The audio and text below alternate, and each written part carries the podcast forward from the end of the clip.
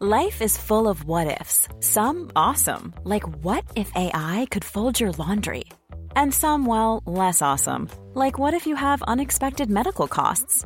United Healthcare can help get you covered with Health Protector Guard fixed indemnity insurance plans. They supplement your primary plan to help you manage out of pocket costs. No deductibles, no enrollment periods, and especially no more what ifs. Visit uh1.com to find the Health Protector Guard plan for you.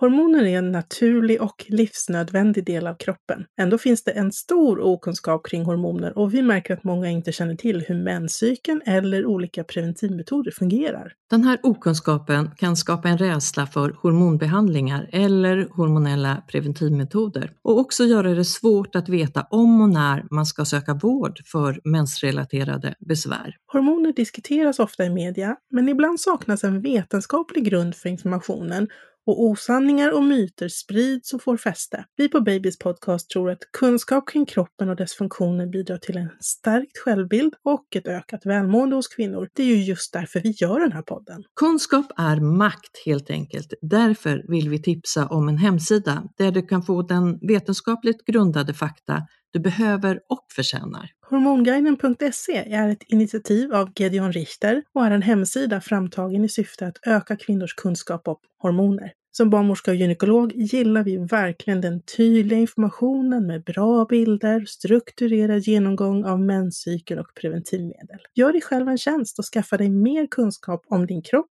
och dina hormoner. Besök hormonguiden.se.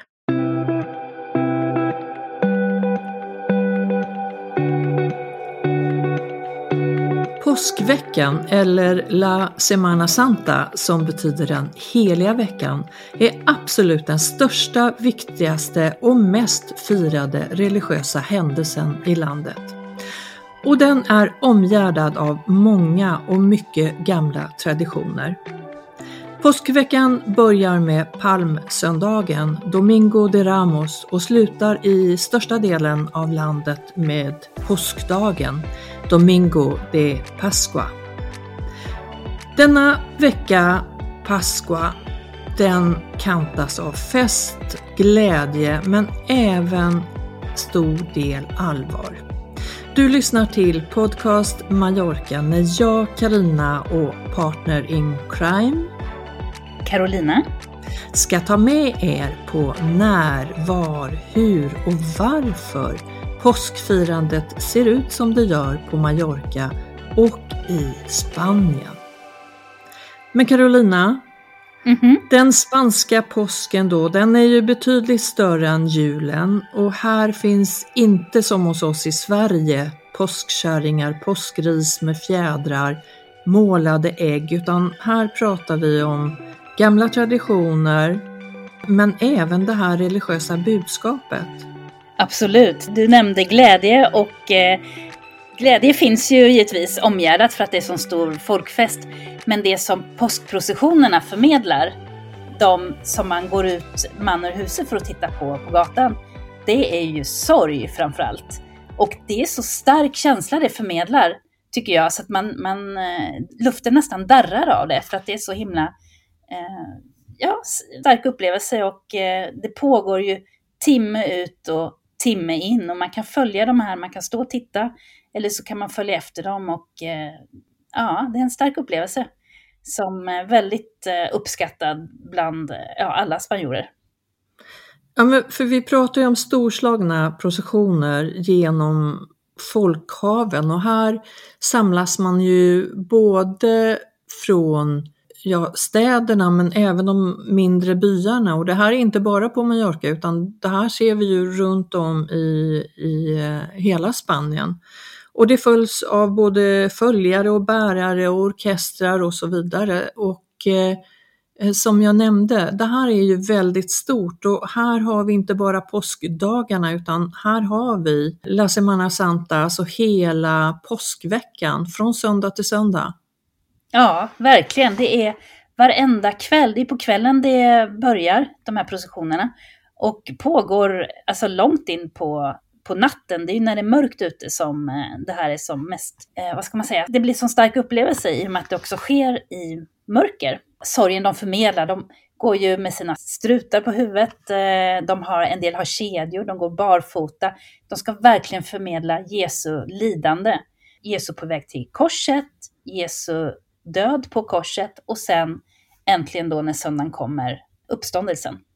Eh, och det är väl då glädjen kommer in på söndagen, men eh, fram till dess och framförallt långfredagen är ett eh, enormt lidande då som ska förmedlas som vi ju inte alls har kvar i vårt svenska påskfirande.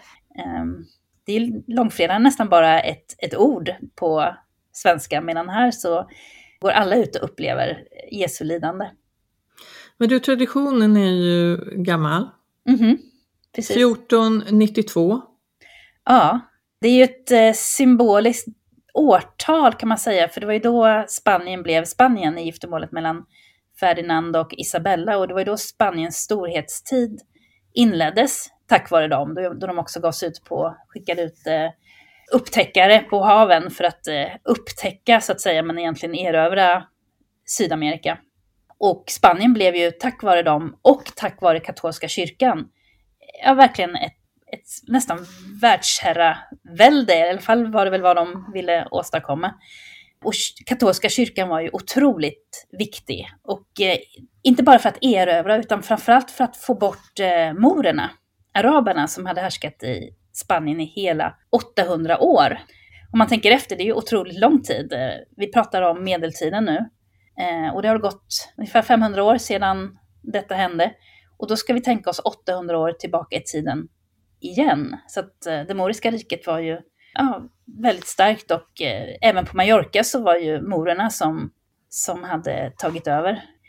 Så katolska kyrkan har ju alltid varit viktig i Spanien, men framförallt under medeltiden och framförallt under Ferdinand och Isabella. Så att det hänger kvar. Verkligen. Och ja, Mallorca är eh, ett av de ställena där det faktiskt är väldigt, väldigt eh, starkt det här firandet, väldigt viktigt. Annars är nog Sevilla mest känt och eh, städer i Andalusien.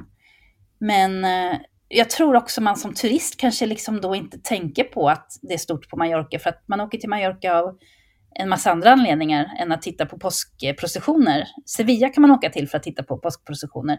Men man tänker kanske inte riktigt på hur stort det är här. Men det, det är verkligen stort i Palma och ute i byarna. Ja, men precis som du säger eh, Carolina, men det är ju ändå lite olika teorier om hur traditionen startade. Eh, men eh, det man kan säga det är ju ursprunget är i medeltida kloster och kyrkor, alltså det här stammar som du var inne på, katolska kyrkan. Mm. Och ehm, ja, smärtan av tronens tyngd ska då ge tankar till det här Kristi lidande. Det är väl lite så religiöst vi har det i Sverige också under påsken, men påskkärringarna kanske har tagit över lite grann. Vi tänker inte på det religiösa som ligger bakom. Nej, Nej, påskkärringar, det är väl snarare symbol för det hedniska innan mm. kristendomen kom. Exakt. Men sen har ju inte vi den katolska kyrkan, vi har ju den protestantiska, så det är ju skillnad där det är skillnad. också. Men du, ett, ett stort firande är det här under veckan, börjas på palmsöndagen. Mm. Domingo de Ramos heter ju denna dag och här går ett startskott. Här är det ju många som samlas då i och utanför kyrkor med smyckade eller osmyckade palmblad och olivkvistar. Och sen också sätter upp dem där hemma. Ja, man kan ju se på eh, små balkonger hur de hänger upp palmblad. Möjligen kan det vara en eh, tanke varför det är så stort här. Jag vet inte, för att Palma fick ju sitt namn av palmblad och att, av att invånarna viftade med palmblad. Eh, när eh, italienarna kom och befriade Mallorca och Palma från eh, eh, morerna, om jag minns rätt nu. Ja, det finns så mycket historia som är intressant. Verkligen. Så, mm, men palmblad och Palma hänger ihop. Ja, men det är mycket som hänger ihop som blir symbolik. Det är palm, palma, palmsöndag, Eh, och vackra är de, dessa palmblad. Mm, verkligen. Men det är ju över hundra brödraskap tror jag bara i Palma. Och varje kyrka, varje katedral har ju sitt eget brödraskap. Och de har sina egna färger. Alla klär sig ju med de här kåporna och eh, strutarna på huvudet. Men det är inte så, alla är inte vita, vissa är vita. Och då kanske man tänker, ja hjälp, Ku Klux Klan var otäckt. Har ju inte ett dugg med det att göra.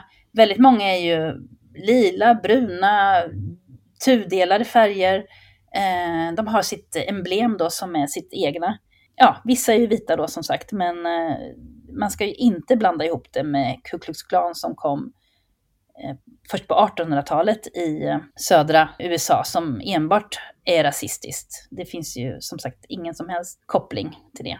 Nej, för nu pratar du om, om det som kanske är den viktigaste delen av den här kulturen, det mest publika eller spektakulära och som sker mm. nästan varje dag. Och, eh, även om det är mest på kvällen, även från morgon, ibland nätter på vissa ställen, så är det de här processionerna, eller hur? Mm. Och de har ju sina rötter. De utgår ju från eh, sin kyrka, där de har sin tron som just eh, hör till den kyrkan som de har skapat och vårdat där under eh, hundratals år, kan jag gott tänka mig.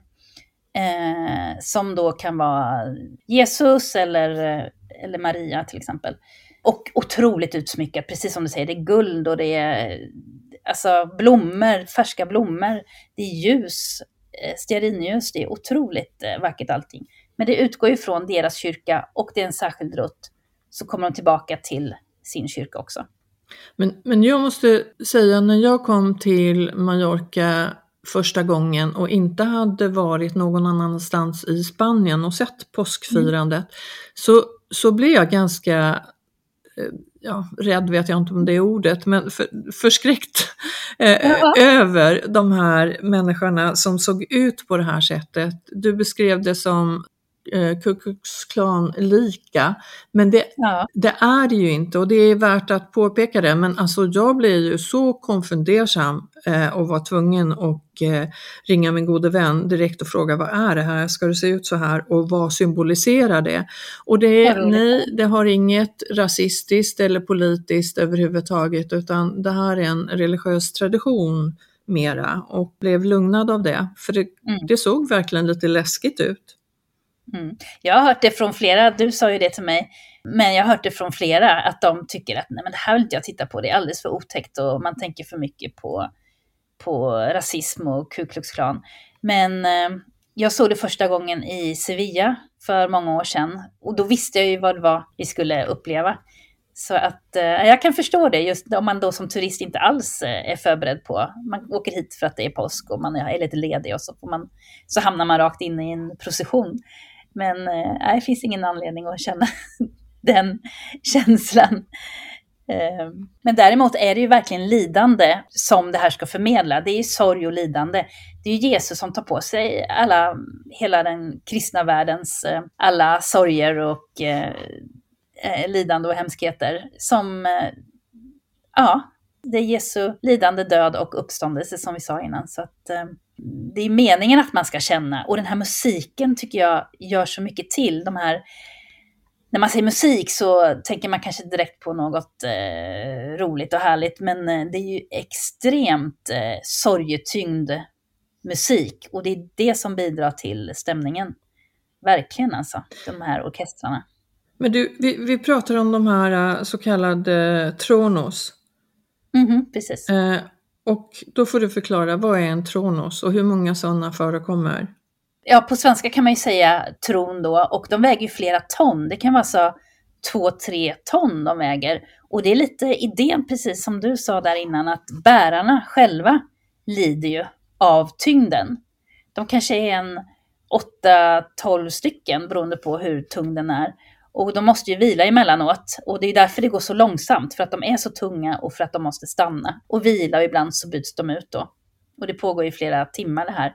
Ja, alla kyrkor har sin egen. Det är ju, det är ju mästerverk, eh, de här figurerna då. Och då, då, symboliserar det ju en del, det kan vara en scen ur, ur Bibeln, skulle jag tro, som handlar om Jesus eller jungfru Maria. Och jungfrur är ju väldigt viktiga här i den katolska tron. Så att många är ju ja, de här jungfrurna som också lider väldigt mycket och som hänger hela sitt eh, liv åt eh, Gud och eh, den katolska tron. Men de är otroligt eh, vackra och de putsas säkert hela året för att de ska vara, liksom, glänsa och glittra eh, lagom till påskveckan. Men du, du, jag läste också att det är så här att de är ju så otroligt eh, utsmyckade de här då att, mm. att eh, det går till de bästa hantverkarna i respektive stad eller by som, som då anses få den här stora fantastiska äran att skapa den här tronen eller promar eller mm. vad man nu kallar det. Mm. Och så utsmyckade, konstnärliga, konstnärligt värde i sig. Ja, och det är ett sätt att, eh, att bevara hantverkstraditionen också runt om i Spanien där de här processionerna är stora och viktiga. Mm. Så att, eh, och det får jag känslan är ganska viktigt här på Mallorca. Man, man känner av det att eh, det lokala hantverket, det lokala, eh, vad ska man säga, den lokala musiken, dans, eh, allt sådant som bevarar traditionen. Det är väldigt viktigt för dem att eh, det är levande. Det är mycket tyger, det är mycket färska blommor. Det är också en, en kunskap som hålls bevarad och levande genom åren tack vare, tack vare de här påskprocessionerna och andra religiösa firanden. Alltså de lägger ju ner stora pengar på det här också. Det är ju gigantiska summor, verkligen. Mm. Eh, och de här uh, costalerosarna då, det är väl det som, som är uh, de här bärarna från de olika brödraskapen. Mm. Hittar ju den här gemenskapen på något sätt också. Ja, man ser det. Jag såg en gång vid ett tillfälle när de bytte bärare, tror jag det var, och de ställde ner och de gick ur. Och det är verkligen kraftiga män. Det är stora, kraftiga män. Och man såg hur de liksom klappade om varandra efteråt och peppade varandra och så. Och de har på huvudet har de ju någon slags eh, mjuk eh, vadderad hatt just för att det ska bli lite mjukare för dem. Och jag tror de har speciella skor också. Ja, det är en gemenskap, det märker man faktiskt att det finns. Och eh, en annan gemenskap är ju i familjer, tror jag, för att det är ju väldigt många barn som har de här kåporna på sig och även strutar på huvudet. Så det är ju verkligen hela familjer som engagerar sig i brödraskapet och i sin lokala kyrka. Och det är de barnen som växer upp och kanske blir bärare eller mm, ja, de, eh, de har ju liksom hela, hela sitt liv inom detta brödraskap. Och eh, ja, det verkar vara otroligt eh, stark sammanhållning som du säger. Vad kallar vi de där följarna, de där med strutarna på huvudet och långa kåporna? Är det de som är... Kapiroter det... tror jag det Ja, visst är det så. Mm. Kapiroter. Precis. Ja. Men du, alla dagar, vi pratar om den här hela veckan, mm. La Semana Santa som sträcker sig söndag till söndag, ibland även i vissa delar, men, men som mest söndag till söndag, men även det vi kallar då annandag påsk eh, i vissa regioner. Men den mest eh, imponerande eller spektakulära eller hur vi ska uttrycka det, dagen av dem alla. Mm. Då är vi inne i långfredagen. Då är vi inne i långfredagen, ja, precis. För att eh, det är ju det som är Jesu lidande på korset. Och om man ser till Palma så är det ju den stora katedralen La Seu som har den största och viktigaste tronen med just Jesu lidande på korset. Och den utgår då som sagt från katedralen och eh, går sin eh, runda. Alla, går, alla samlas i samma runda så att säga inom Palma, särskilt på långfredagen. Jag skulle tro att alla brödraskapen, eller de flesta brödraskapen, samlas just på långfredagen. Annars är det lite olika vilka veckor de går, vilka veckodagar menar jag. Men eh, den är den viktigaste och vad som händer då när de återkommer till katedralen är att då har de mässa den viktigaste mässan.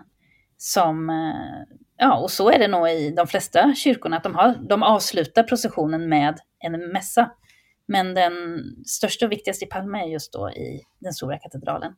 Om vi backar tillbaka och tittar på den här Capirotes så mm. undrar jag om det kunde vara så att det är själva den här huvudbonaden eller den här struten som vi då kallar, mm. eller jag då kallar det. Var det så att det var den som, som hade det här namnet från början? Eh, den här alltså tillverkade tyg eller papper eller vad man nu väljer, struten. Är det Ja. den som är själva capirotes och sen har man valt att kalla de här troende botgörarna också för capirotes? Blir det ett och samma namn på dem? Ja, så kan det vara. Och de är ju viktiga, det kanske vi också ska säga, att eh, det är meningen att de ska vara anonyma. Det här att man visar sorg, det, jag skulle tro att det hänger ihop med biktbåsen i den katolska kyrkan. Det är också en anonym bikt inför prästen. Så att eh, anonymiteten spelar en roll och det är just därför de har de här strutarna. Och eh, hålen för ögonen är ju för att de ska kunna se helt enkelt. Det ser ju lite läskigt ut, men eh, det är ju för att de ska ja, se vart de går någonstans. Men i övrigt så täcker det ju öron, näsa, mun och allting och går ner, ofta långt ner på bröstet, det här tyget som hör ihop med ja, kapiroten. Ja, exakt. Mm. Mm. De kan gå med ljus, de kan gå med rökelse. Det brukar gå några längst fram med, ja det är väl rökelse de har då, som liksom dinglar. Och så har man då sitt, sin orkester som eh, ja, går mellan brödraskapen också. Och spelar väldigt sorgetyngt. Det är liksom långsamma trummor, trumslag. Eh, Ja, det är, en, det är en mäktig upplevelse faktiskt. Och jag brukar springa ner, eh, jag försöker springa ner varje kväll om jag kan, för att det är en sån stark upplevelse. Jag tycker det är häftigt att titta på. Men du, från det här lite tyngre, eller väldigt tunga, kanske rättare Mm. sagt, på långfredagen till påskafton eller påskdagen då det blir, Mm. Då blir ju allting betydligt gladare med lite Mm. mer färgglada dräkter, lite mera positiva tongångar från instrumenten. Mm. Så det är en skillnad här. Det händer någonting. Det är Jesus uppståndelse. Det är Jesus uppståndelse. Mm. Så när är det man, man firar som mest? Alltså då tänker jag när man är, firar på ett, eh, med glädje och med mat och dryck. Vilken dag är vi på då? Ja, det låter ju logiskt att det är på söndagen, tycker jag. För att eh, precis mat och dryck, precis som i Sverige, är maten viktig här också. Och eh, söndag är ju den stora dagen i veckan då familjen samlas och äter familjemiddag, söndagmiddag. Det vi har haft i Sverige och vissa familjer väl har kvar, men det är väldigt stort här. Så att eh, just påsksöndagen då eh, borde ju vara en väldigt stor Mm. måltid. Och de äter ju väldigt, ja de har ju si- sina speciella traditionella påskrätter, både i Spanien som helhet och på Mallorca. För jag vet att det är vissa katoliker som till och med fastar under de här första dagarna, långfredagen, så de kanske måste äta upp sig sen när man då får börja att eh, festa och vara tillsammans eh, i glädjens spår igen. Mm. Eh, vad skulle vi säga, eh, finns det någon traditionell mat? I Sverige så äter vi ju lite samma som eh, på julen, påsken, midsommar lite grann med sill och ägg och sånt där. Men, men det finns ju inte riktigt någon tradition här i Spanien. Nu skiljer det sig ju som, som det skiljer sig i Sverige såklart eh, lite åt i olika regioner. Men vad skulle du säga? Det är ju ändå en viktig högtid med lite traditionell mat. Mm. Vad, skulle, vad inkluderar den? På våren, för oss är det ju äggen som kommer på våren. Men här är det ju dilam, skulle jag nog säga. De är ju som bäst då, och det anses den bästa delen av, av eh, när man äter lamm. Så det finaste är att äta dilam och i övrigt lamm överhuvudtaget. Eh, grillat lamm, cordero asado. Och eh, rosmarin växer ju över hela ön, så att rosmarin är en vanlig krydda och vitlök är en krydda också som eh, används här. Så fisk äter de ju mycket, eller hur? Nej men fisk är mycket, men jag, jag, jag tänker tillbaks till lammet där, för, för jag sa att vi äter ju mycket sill och ägg och, och sånt, men, men eh, där faktiskt har vi ju mycket lamm i vårt land också. I Sverige, lamm med vitlök och just rosmarin.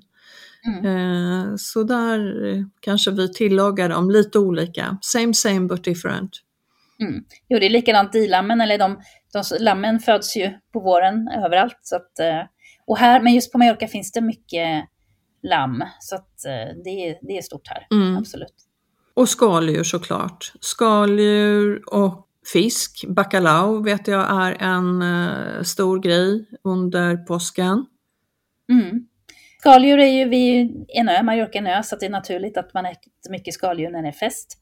Bacalao är ju torsk som, är, eh, som har varit torkad och saltad tidigare. Det kan man ju känna igen från marknaderna när man ser de här, ja, man, man känner igen dem därifrån. Och sen så blötläggs det. Och jag jämför lite med lutfisk, jag vet inte om jag har eh, rätt i det eller inte. Är det en bra liknelse? Kanske, ja för att den ska ju torka och så ska den återuppstå i någon typ av vatten eller lag eller lut eller vad det var man använde förr i tiden. använder man kanske inte nu med, med lutfisken men Det som jag tycker med svensk lutfisk, jag älskar det, men det man älskar är ju såsen till och ärtorna och det. Eh, och det är även här att det är såsen som, eh, som gör fisken god. Och då tror jag det antingen finns som eh, ja, chili och eh, vitlök tror jag. Eh, eller så finns det som ja, någon typ av tomatsås tror jag. Har du koll på det? ja, ja men exakt. Jag tror inte jag vet. Mm. Så att man kan göra lite, lite olika men all pill och, och då är det väl en, en röra av olivolja, vitlök, eh, chili, jättegod. Mm. Fantastiskt. Den äts ju inte bara på Mallorca utan den äts ju mycket i norra Spanien vad jag vet. Och mycket under påsken och mycket andra delar av året också. Men du, det finns en matig paj som jag vet att man kan fylla med lamm eller lammfärs och grönsaker och lite goda kryddor som man sen Mm. skjuts in i ugnen. Och eh, då heter den, den har du koll på? Har jag koll på Jag den? tror det. Eller Panades. panades. Ja, den tänker jag på. Just det. Ja, det är ett sätt att använda mycket av lammet och de äter gärna med ärtor eller andra grönsaker och ja, kryddare. Så den är väldigt god. Och sen är det ju väldigt mycket sötsaker, precis som vi har. Men spanjorerna gillar ju sina bakverk och sötsaker. Och det kommer ju på påsken också. Ja, men här finns det ju bakverk som, som kan vara söta eller salta. Ja, just det. Precis. Kanske söta för barnen och salta för de lite äldre. Mm. Jag vet inte. Ja. Mandel använder de mycket, eller hur? För att det är ju, mandel växer ju här på Mallorca, så att eh, mandelkakor har de. Just det. Men de här mandelkakorna, de är ju lite gulliga för här är det ju men nu ska vi se om jag kommer ihåg, panajettes tror jag att de heter va? Mm. Eh, och de här små mandelkakorna de är ju då lite påskformade om man får uttrycka det så, som harar Mm. eller eh, kycklingar och eh, Just, ja. det, just det. Men man kan säga att panajettes det blir väl lite påskgodis då i de här kakorna. Precis. Plus alla andra söta Mm. bakverk. De äter ju fattiga riddare. Just det! Det gillar de. Alltså, vad ska man säga, franskbröd som man vänder i, i som man steker upp i smör och vänder i socker och kanel. Mm. Men det heter något annat här. Vad är det det heter här? Eh, torrijas heter det. Torrijas, det stämmer. Och mjölk och ägg ska man doppa det i också. Mm, det kan vara gott också.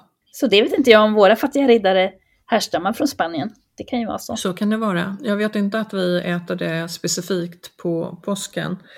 Nej. Eh, eller mer på påsken. För det, här äter man det ju i, i Spanien äter man ju det året om. Men kanske än mer till påsk. Mm, Som påsktradition. så är det. Så är det.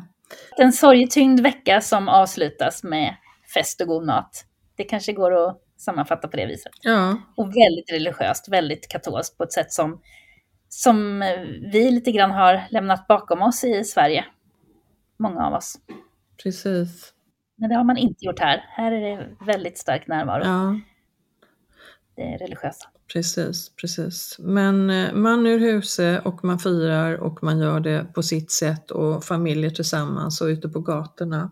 Och som sagt betydligt större än eh, julen är i Spanien, är den här påsken. Eh, och det finns ju då alla de här dagarna och i år när vi sitter här, du och jag, i den här studion, Carolina, då börjar vi ju eh, den 5 april, alltså palmsöndagen 5 april. Just det. Men det ser likadant ut, har gjort så i, eh, under ganska lång tid.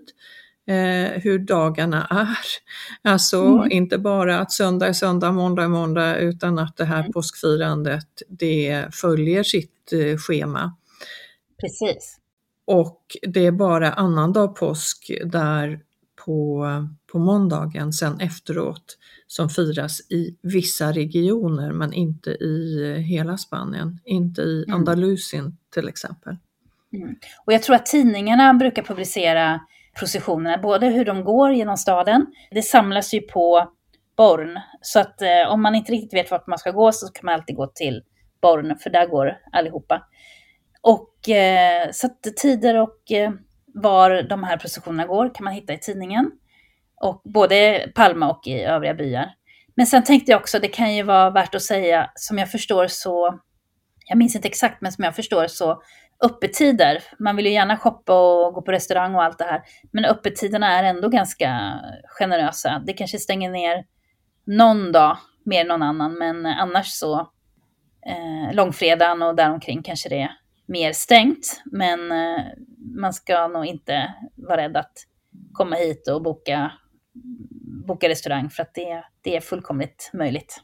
Och där vill jag tipsa om att hålla er på rätt sida om vägen, gatan, där restaurangen ligger. Det kan vara extremt svårt att ta sig över gatan. Ja, precis. Nu går man ju väldigt långsamt, det är inget maratonlopp vi pratar om. Nej, men man får ibland inte korsa gatan.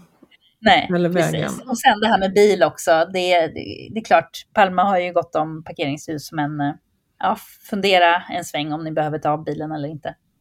Precis. Men du, Mm. vi kommer att fira påsk i, på Mallorca.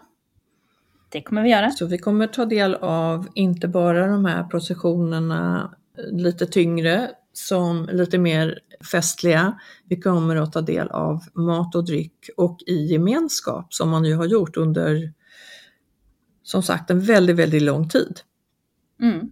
Och sen är ju värmen här, det måste jag säga jag som eh, är på Mallorca och bor här. Det har ju varit 23 grader i helgen så att nu är sommaren här eh, och stränderna de stänger aldrig. Även om havet fortfarande är kallt så är det underbart att ta fram en sarong och lägga sig på rygg och bara njuta av värmen och solen. Man kör en kombo. Absolut. Vad härligt. Så välkomna hit till eh, Mallorca. Det är fantastiskt nu. Ja. Nu det börjar hela turistsäsongen. Den börjar ju i påsk. Det är nu allting drar igång. Det är nu det startar. Mhm, Precis. Eh, så välkomna till vårt Mallorca och vi har pratat om att man går man ur huset men det är ju även en stor turisthelg så många, många tar sig ut till Spanien just under påskveckan. Precis. Hela den eh, kristna världen är ju lediga kring påsk. Så att, eh, och många passar ju på att åka hit just nu. Det, det, det märks och eh, alla är redo för att ta emot turisterna. Det kan jag gott säga. Alla hotell, alla restauranger. Eh, alla vet att det är nu det börjar. Med det Carolina så avslutar vi och hälsar alla en fantastisk glad påsk. Det gör vi. Glad påsk alla lyssnare. Och vi är snart tillbaks på Podcast Mallorca där du också kan följa oss på Instagram och på Facebook. Så vi hörs snart igen. Ha det gott och hej så länge! Ha det bra allihopa. Hej då!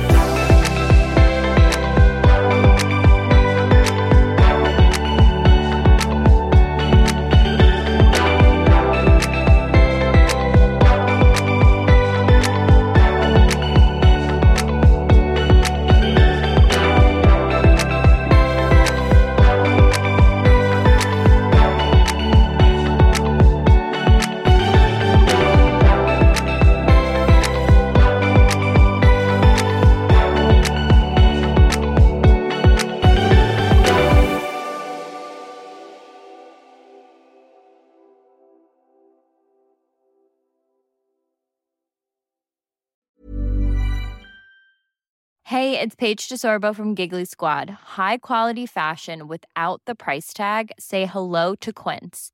I'm snagging high-end essentials like cozy cashmere sweaters, sleek leather jackets, fine jewelry, and so much more. With Quince being 50 to 80% less than similar brands. And they partner with factories that prioritize safe, ethical, and responsible manufacturing. I love that. Luxury quality within reach. Go to quince.com slash style to get free shipping and 365 day returns on your next order. Quince.com slash style.